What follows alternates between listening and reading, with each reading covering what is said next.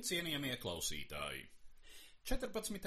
jūnijā, komunistiskā genocīda upuru piemiņas dienā, notika konference aizvestajiem, kuru organizē fonds Sibīrijas bērni. Jau trešo gadu šī konference notiek Rīgas pilī ar Latvijas Republikas valsts prezidenta Raimonda Vējoņa atbalstu un piedalīšanos. Tā ir daļa no piemiņas pasākumu kopuma, kuru ik gadus organizē fonds Sibīrijas bērni.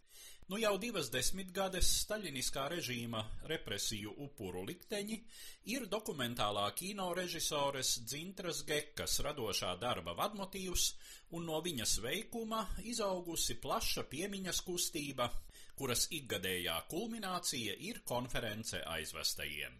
Cita starpā tās sastāvdaļas ir skolēnu sacerējumu un zīmējumu konkurss, represēto atmiņu stāstījumi un priekšlasījumi, kuru tēma šogad bija vēsturiskā atmiņa. Vairāku konferences aizvestajiem priekšlasījumu fragmentus šodien piedāvāju jūsu uzmanībai. Vispirms fragments no vēsturnieka un politiķa 13. saimas deputāta Ritvara Jansona uzstāšanās. Nacionālā identitāte sakņojas kopīgos priekšstatos par nācijas vēsturi. Vēsturiskā atmiņa, kas veidojas no zināšanām un attieksmēm pret nozīmīgākiem vēstures notikumiem, vieno sabiedrību. Kopumā šāda vienojoša situācija Latvijā ir. Valsts simtgades svinības viennozīmīgi parādīja, kam nācija ir saliedēta. 18. novembris, kā svētku diena, ir vērtība latviešiem. Kā liecina aptaujas, 18. novembri arvien vairāk svin arī citu tautību Latvijas iedzīvotāji. Taču atšķirīgās vēsturiskās atmiņas par okupāciju, staļinismu periodu joprojām šķeļ mūsu sabiedrību, vājina valstiskumu, dezorientē morāles normas. Joprojām Latvijas informatīvajā telpā tiek reproducētas padomi laika dogmas, kuras tagad savā propagandā izmanto Krievija. Maigākā formā dzirdam apgalvojumu, ka staļiniskajās deportācijās pieļauti pārspīlējumi, derdzīgākā, ka kara apstākļos tās bija pieļaujams. Ir saprotams, ka vēsturiskā atmiņa var būt citādāka Latvijas iedzīvotājiem, kurš šeit ieradās kā migranti okupācijas periodā. Taču kā piemēram attiekties pret faktu, ka Rīgā populārais latviešu alus kroks, labietis. Šodien komunistiskā genocīda upuru piemiņas dienā aicina uz Jāņu ielīgošanu ar lustīgiem dančiem. Šādas un tam līdzīgas parādības, protams, var mēģināt regulēt ar likumdošanas palīdzību, taču sīka regulācija, iejaucoties cilvēku dzīves paradumos, var izraisīt pat pretēju efektu. Piemiņas izpratnē jābūt dabiskai, Piemiņas izpratnē jānāk no skolas un no ģimenes. Tā jābūt ar pietāti pret upuriem. Un tieši tādēļ represētajiem cilvēkiem ir milzīgi svarīga misija - nodot atmiņas par pieredzēto nākamajām paudzēm, ar mērķi, lai noziegumiem pret cilvēci nākotnē nebūtu ne mazākā augsne. Lai būtu saprotams, ka valstis nozieguma attaisnotājs nevar būt Latvijas partneris. Labs piemērs šajā jomā ir cilvēki, kur nodevuši atmiņas Sibīrijas bērnu fonda izdotajām grāmatām, Latvijas okupācijas muzeja videokrājumam, arhīvam, Nacionālajam mutvārdu vēstures projektam. Paldies jums! Ideāls būtu vienota sabiedrības vēstures apziņa, spēja analizēt vēstures notikumus, izdarīt secinājumus un saskatīt sava valstiskuma nozīmību. Ideāls būtu nācijas vienošanās par Latvijas vēstures pamatnotikumu izpratni, par nopietnu attieksmi pret tiem. Taču vēstures analīze ir smags darbs, bieži nonākot arī pie sāpīgām atziņām. Latvijas valsts ir skaidri definējusi, ka gan komunistiskais, gan nacistiskais okupācijas režīms ir veikuši noziegumus un piemin šo režīmu noziegumu upurus. Nu jau vairāk nekā gadu darbojas likums par otrā pasaules kara dalībnieku statusu. Likums pasaka, ka karavīri Latvijas pilsoņi nevarēja karot pareizā vai nepareizā frontes pusē. Latvijas pilsoņiem šādas pareizas frontes puses nebija. Latvija otrā pasaules kara laikā tika okupēta un tās pilsoņi pretiesiski iesaistīti kara darbībā. Tā faktiski kļūdam par upuriem. Pagājušo gadu un šogad tika izdarīti grozījumi likumā par LPSR valsts drošības komitejas dokumentiem. Tagad tie ļauj skatīties uz komunistiskās partijas un čekas veidoto totālās kontrolas un represiju sistēmu kā vienotu mehānismu. Mehānismu, kura taustekļi stiepās no Maskavas līdz Rīgai un visai Latvijai. Šī mehānisma kompleksa atklāšana, nevis ņemšanās tikai ap atsevišķu cilvēku sadarbību ar VDK, ir solis pagātnes pārvērtēšanai, pārvarēšanai lai pagātne nekad neatkārtotos. Iepriekš minēto un citu likumu mērķu praktiskā iedzīvināšana ir viens no ceļa posmiem uz vienotāku sabiedrības vēstures apziņu. Nenovērtējama nozīme šajā ceļā ir vēsturnieku, pedagoģu, arhīvistu, muzejnieku darbam. Cienīsim viņus un novēlēsim viņiem izturību. Paldies! Latvijas valsts arhīva darbinieka vēsturnieka Aināra Bambāla uzstāšanās bija veltīta konkrētam piemiņas saglabāšanas projektam, kas aizsācies jau pagājušā gadsimta 80. gadu beigās, proti Norīskas rajona Lāmas nometnē ieslodzīto Latvijas armijas artilērijas virsnieku likteņu izpētēji un piemiņas iemūžināšanai. Šodien mans stāsts Sibīrijas bērnu būs par ekspedīciju, ko organizējām kopā ar Strelnieku apvienību, ar represētiem, ar Igoru Noskovu. 1990. gadā uz Krasnojarskas novada Noriļsku, tālāk uz Lāmas nometni. Runa būs par augstākajiem Latvijas artērijas virsniekiem, kurus 1941. gada 12. jūnijā nosūtīja uz Krieviju, uz Gorkijas apgabalu, Gorohovecas nometnēm, pārkvalifikāciju, lai apgūtu padomju kara tehniku. Bet uh, divas nedēļas vēlāk, 41. gada Jāņos, 24., 5. un 6. jūnijā, šos virsniekus arestēja un nosūtīja ar etapu tālāk uz Krasnojarsku, Paņeņģisei, tālāk uz Norīsku. Artilērijas virsnieki nonāca Norīļlaga Lāmas nometnē, kas ir uz 120 km uz dienvidu austrumiem no Norīskas, caur sarežģītu upju kaskāžu sistēmu. Lāmā nonāca 42 baltiešu virsnieki, 13 no tiem bija Latvijas virsnieki. 13 leiši un 14 igauņi. Un Lāmas nometnē viņi vāca lapegļu skujas, no tām gatavoja ekstraktu, kur sūtīja uz Norģilagu, lai apkarotu cingu. Un šajā pat Lāmas nometnē daudzi no virsniekiem arī palika uz mūžiem. No 13 latviešiem, artērijas virsniekiem, Lāmā palika septiņi.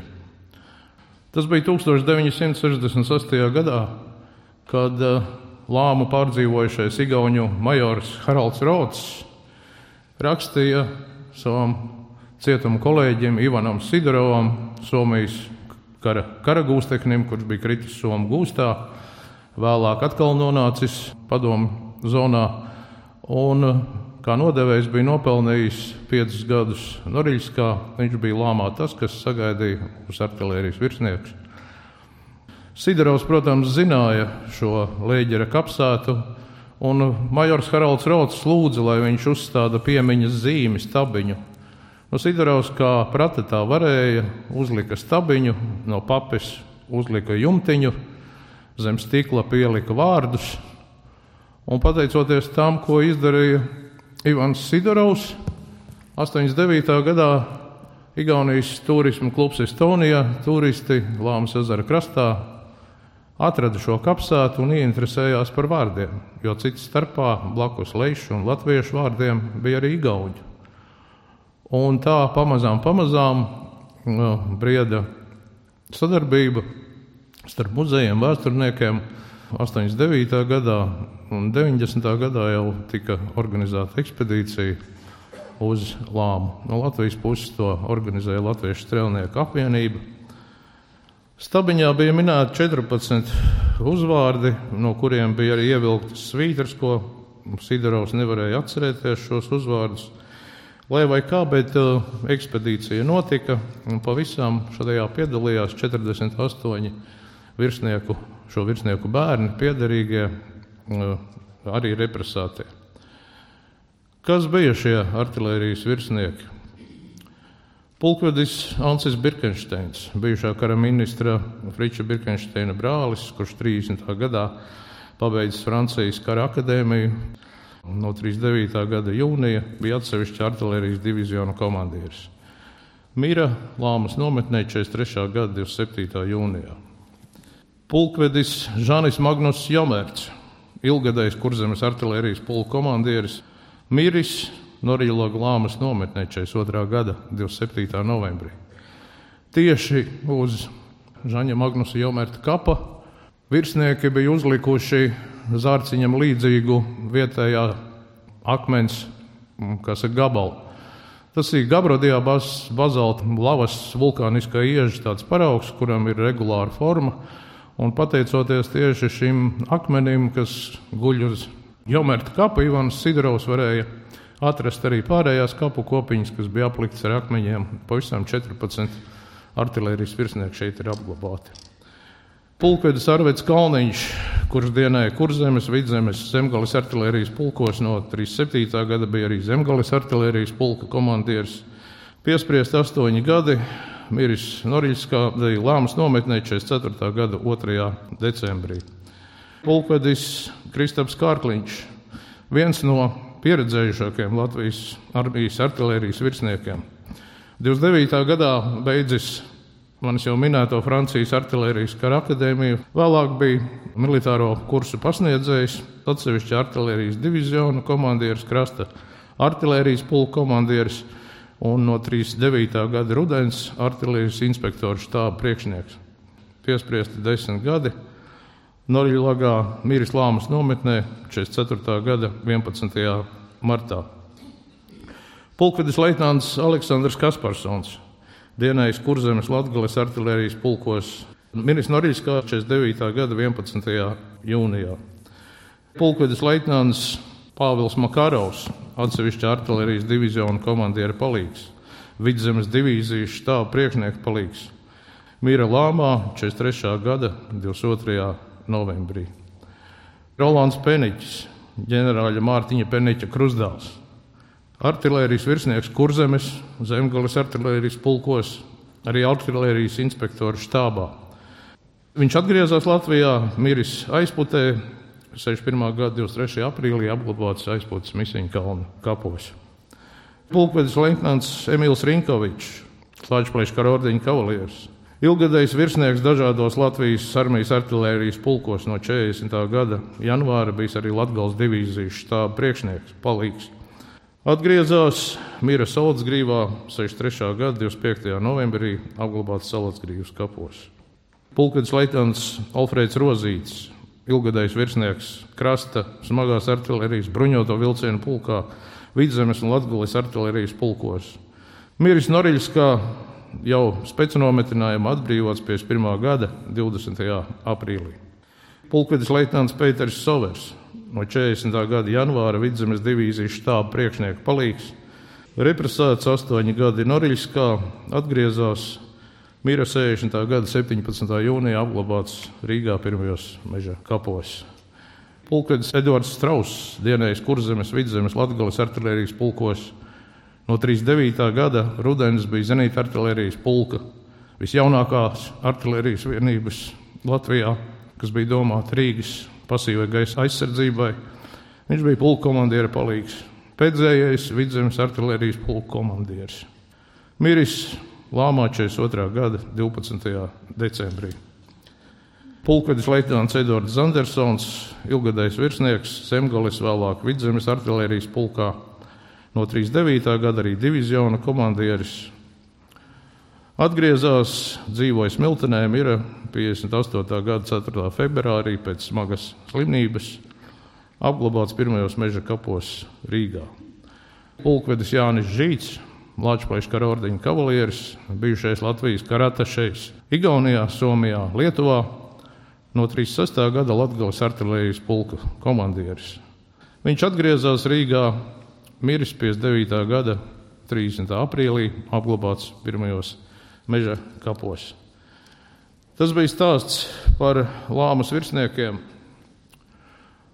Un šogad Zintra Geka un Sibīrijas bērni rīko ekspedīciju uz Norīļsku, lai godinātu piemiņu. 90. gada ekspedīcijas laikā mēs bijušās barakas vietā uzstādījām piemiņas zīmi, piemiņas krustu. Baraka vēl 50. gados bija saglabājusies, bet kad mēs tur ieradāmies 90. gada augustā, Baraka bija nojaukta. Norīļskas kompartijas pirmais sekretārs no šīs barakas baļķiem bija pavēlējis sev uzcelt somu pirti, un bijušās barakas vietā viņa cepušās liks. Mēs sakopām drazas toreiz, uzstādījām piemiņas zīmes, kapsētā trīsskaldņu piramīdu, kur katra skaldne simbolizē atsevišķu Baltijas valsti, Latviju, Lietuva, Igaunija. Šai piramīdā ir ievietots dūrumīnija plāksnes un virs tām bronzā lieta mūsu valsts ģērboņi. Pēc šīs ekspedīcijas radās doma, ka pašā Norīskā vajag uzstādīt pieminekli, un tā tas arī notikās.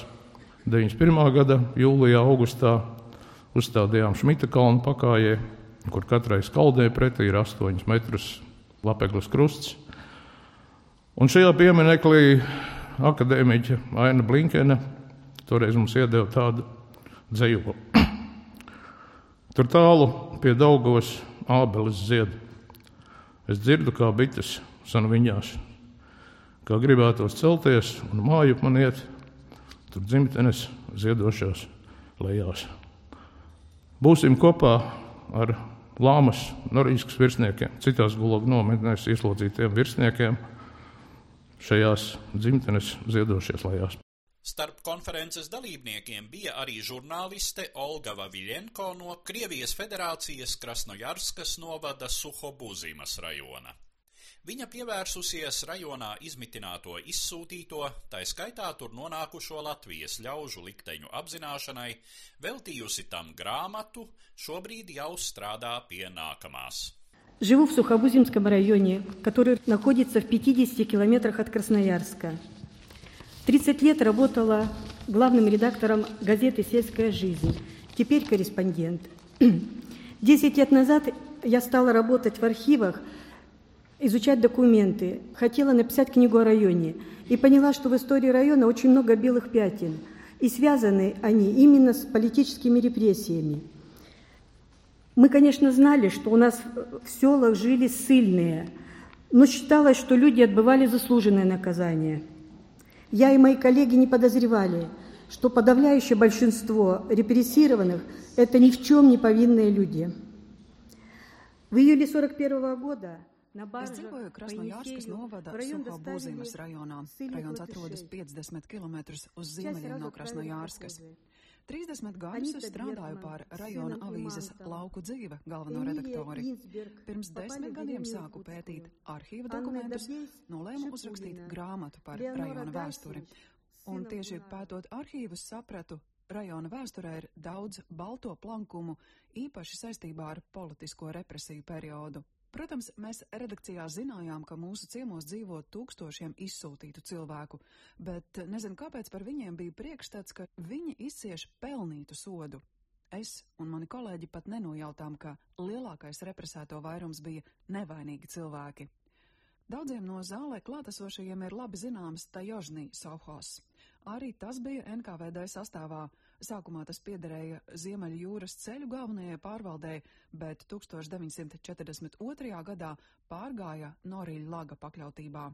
Tieši Tajožnī Sauhosā strādāja visvairāk latviešu. Anna Strautiņa ar meitu Ausmu, dēlu Uldi, Nelaimīgās sievietes neko nezināja par savu dēlu, tēvu, vīru un brāļu likteņiem. Arhīvos atrastajos formulāros par latviešiem sadaļā radinieki lielākajai daļai ir vienādi ieraksti. Visiem pieņemts NKVD, atrašanās vieta nav zināma. Отправляли в заключение женщин. Я нашла в приказах совхоза Таежный такие записи. Исключен из списка в связи с арестом. Отбывали заключение за малейшее прегрешение, не только по политическим мотивам. На шесть лет сажали за пригоршню зерна. Ieslodzījumos bija ne tikai vīrieši. Izpētot Sofozā Tajošnī izdoto pavēļu ierakstu žurnālu, redzu ierakstus, izslēgts no sarakstiem aresta dēļ. Tiesāja ne tikai politisku motīvu dēļ, termiņu varēja dabūt par kavējumu darbā, par nokavētu ierašanos darbā, par vārpām, lai glābtu bērnus no miršanas badā mātes zaga lopiem domāto pārtiku. Tālaik likumi bija neiedomājami bargi, par labības zakšanu sēdināja leģeri uz sešiem gadiem. Ieslodzījumā nonāca Antonija Oša, Anna Kārkliņa, Alma Ozola, Jānis Laiviņš. 1943. gada decembrī arestēja Zelmu Ābelīti. Viņa bija Latvijas universitātes absolvente, dzimtenē pasniedza vēsturi Daugavpils ģimnāzijā. Viņa tika tiesāta par to, ka noliktavā bija paņēmusi dažus kartupeļus dēlam. Viņai piesprieda gadu un aizsūtīja uz Abakanas koloniju, kur viņa jau drīz gāja bojā. Viņas dēls Arnis, septiņu gadu vecumā, palika pilnīgi viens pie svešiem cilvēkiem.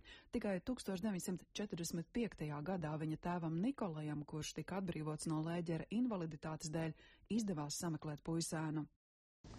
Расспрашивая местных жителей о латышах, я ни разу не услышала ни одного плохого слова о вашей национальности. Сибиряки помнят, что ссыльные отличались трудолюбием, высокой культурой, доброжелательностью. Во многих наших семьях до сих пор сохраняют ваши фотографии – Kad jautāju vietējiem iedzīvotājiem par latviešiem, es nereizi neesmu dzirdējusi nevienu sliktu vārdu par jūsu tautības cilvēkiem. Sibīrieši atceras, ka izsūtītie latvieši mīlēja darbu, izcēlās ar augstu kultūru un labestīgu attieksmi. Daudzās sibīriešu ģimenēs joprojām ir saglabājušās jūsu fotogrāfijas. Kad es avīzē nopublicēju nelielu rakstu par maigoni kārkliņu, redakcija saņēma divas atsauces no viņa meitas Margitas klases biedrnēm. Valentīna Veršiņina un Irma Laimane par Margitu bija uzrakstījušas daudz siltu vārdu. Valentīna Veršiņina atsūtīja arī skolas laiku fotografiju, kurā redzama arī Margita Kārkliņa. Kārkliņu ģimenei Vēnspilī piederēja kuģniecības kompānija, Maigonis bija tālbraucējs kapteinis. Tajožnī Sohozā viņš strādāja kā vecākais uz maziņa kuģīša vedušķī. No avīzes Vēntas balss zinu, ka Margita Kārkliņa 2012. gadā dzīvoja Vēnspilī. Vietējie stāsta, ka no latviešiem varēja mācīties saprātīgi saimniekot. Lucijas Dīnas vīrs bija veterinārārsts. Veterinārijā aptiekā zāles tika piegādātas finiera kastēs. Lūcija izgudroja, kā no šīm kastēm izgatavot mēbeles, šuva aizkarus, tamborei salvetes, un mazā istabela barakā pārvērtās par omulīgu stūrīti, kas nemaz nelīdzinājās citām nabadzīgajām dzīvesvietām. Latvieši iemācīja krievu sievietēm no aitas vilnas adīt ne tikai zeķus un dūrāņus, kā tas agrāk bija pie mums pierasts, bet arī cepures, vestes un džemperus.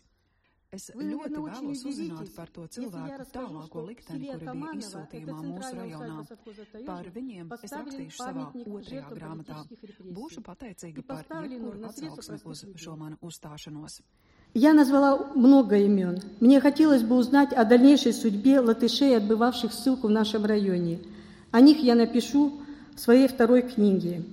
Поэтому я буду очень благодарна за любой отклик. Savas ģimenes pieredzē sakņots un dziļi izjusts vēstījums par Sibīrijas bērnu tēmu ir politiķei, Latvijas Republikas veselības ministrei Ilzei Viņķelei.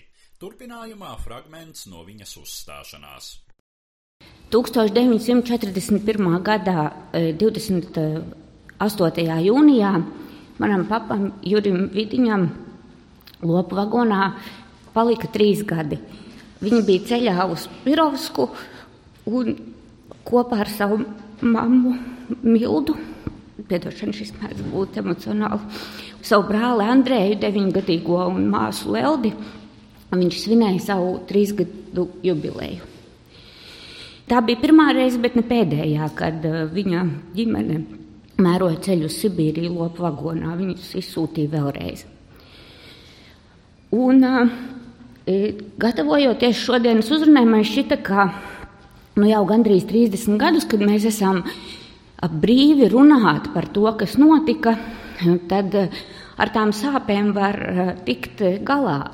Īpaši tie, kas nav klāt to piedzīvojuši, bet kā izrādās, tad tomēr tas 14. jūnijas un jūsu visu klātbūtne šeit arī cilvēkiem, kas spēj tikt galā ar savām emocijām, tomēr kaut ko parauj vaļā. Manuprāt, tā ir šī nākamā atcerēšanās fāze, kad mēs vairs nerunājam tikai par faktiem, Jo atstāstīt faktus ir savā veidā vieglāk, ir drošāk. Tu vari dabūt sevi ārpus tās bildes un nelikt klāt tās sāpes, mēģināt sevi pasargāt, atstāstot ļoti detalizēti faktus, kā paņēma ciet, kā veda, kā nebija ēdiena, kā sala, kā mira, bet ir grūti ielikt klāt, a, ko te jūs tur jutāt tajā brīdī. Jo tas ir nākamais vēsturiskās atmiņas uh, šķirklis, kā jūs visi jutāties, sāpes, bailes, pazemojums, dusmas, neticība. Un es ļoti ceru, ka jaunā paudze un ka tā būs tā vēsturiskās atmiņas nākamā fāze. Un esmu ļoti priecīga, ka mans dēls, 16-gadīgais Juris, kura vārds ir tādēļ, ka mans paps ir juris un tādēļ, ka mans izsūtītais vectēvs bija juris, ka viņš šeit ir klāt un viņš varēs kaut kad uzrunāt jūs bez asarām. Bet viņš būs klāt, viņš zinās, kas ir noticis ar savu ģimeni, un viņš un visu pārējo Sibīrijas bērnu, bērni un mazbērni, ir tā garantija tam, ka mēs esam brīvi, mēs būsim brīvi, un tas nekad nemainīsies ka mēs būsim daudz iecietīgāki, jo mūsu bērni pratējas skaidrot mūsu vecvecāku un vecāku pārdzīvojumus arī mūsdienu kategorijās. Ka mums ir jāmāk saprast, kā jūtas citi, jo mēs zinām, kā tas ir, kad jūs paņem no mājām un izsūta. Mēs būsim empātiskāki, mēs būsim palīdzēt spējīgāki. Un tas, ko darīja Sibīrija, un kas nav manuprāt, solidārā sabiedrībā jāpieļauj atkārtoties vēlreiz, ka Sibīrijas stipros darīja stiprākus, bet trauslos salauza. Mums nekad, nekad vairs nevajag piedzīvot ne mūsu mājās, ne ārpus mūsu tautiešiem situācijas, kad tas iet tik ļoti eksistenciāli, ka izdzīvo tikai stiprākie, bet trauslie salūst. Tiem stiprajiem ir jāpalīdz trauslākajiem. Un es ceru, ka tieši šī mācība par solidaritāti, par to, ka mēs varam nevienu faktus, bet arī emocijas apkopot kā daļu savas vēstures Līdz ar to izskan raidījums, kurā piedāvāju jūsu uzmanībai uzstāšanos fragmentus no gadskārtējās konferences aizvestajiem, kas 14. jūnijā notika Rīgas pilī. Dzirdējāt fragmentus no vēsturnieka, saimas deputāta Ritvara Jansona, vēsturnieka, valsts arhīva darbinieka Aināra Bambāla, Krievijas žurnālistes Olgas Vaviļenko un Latvijas Republikas veselības ministres Ilzes Viņķeles uzstāšanās. Uz redzēšanos, cienījamie klausītāji!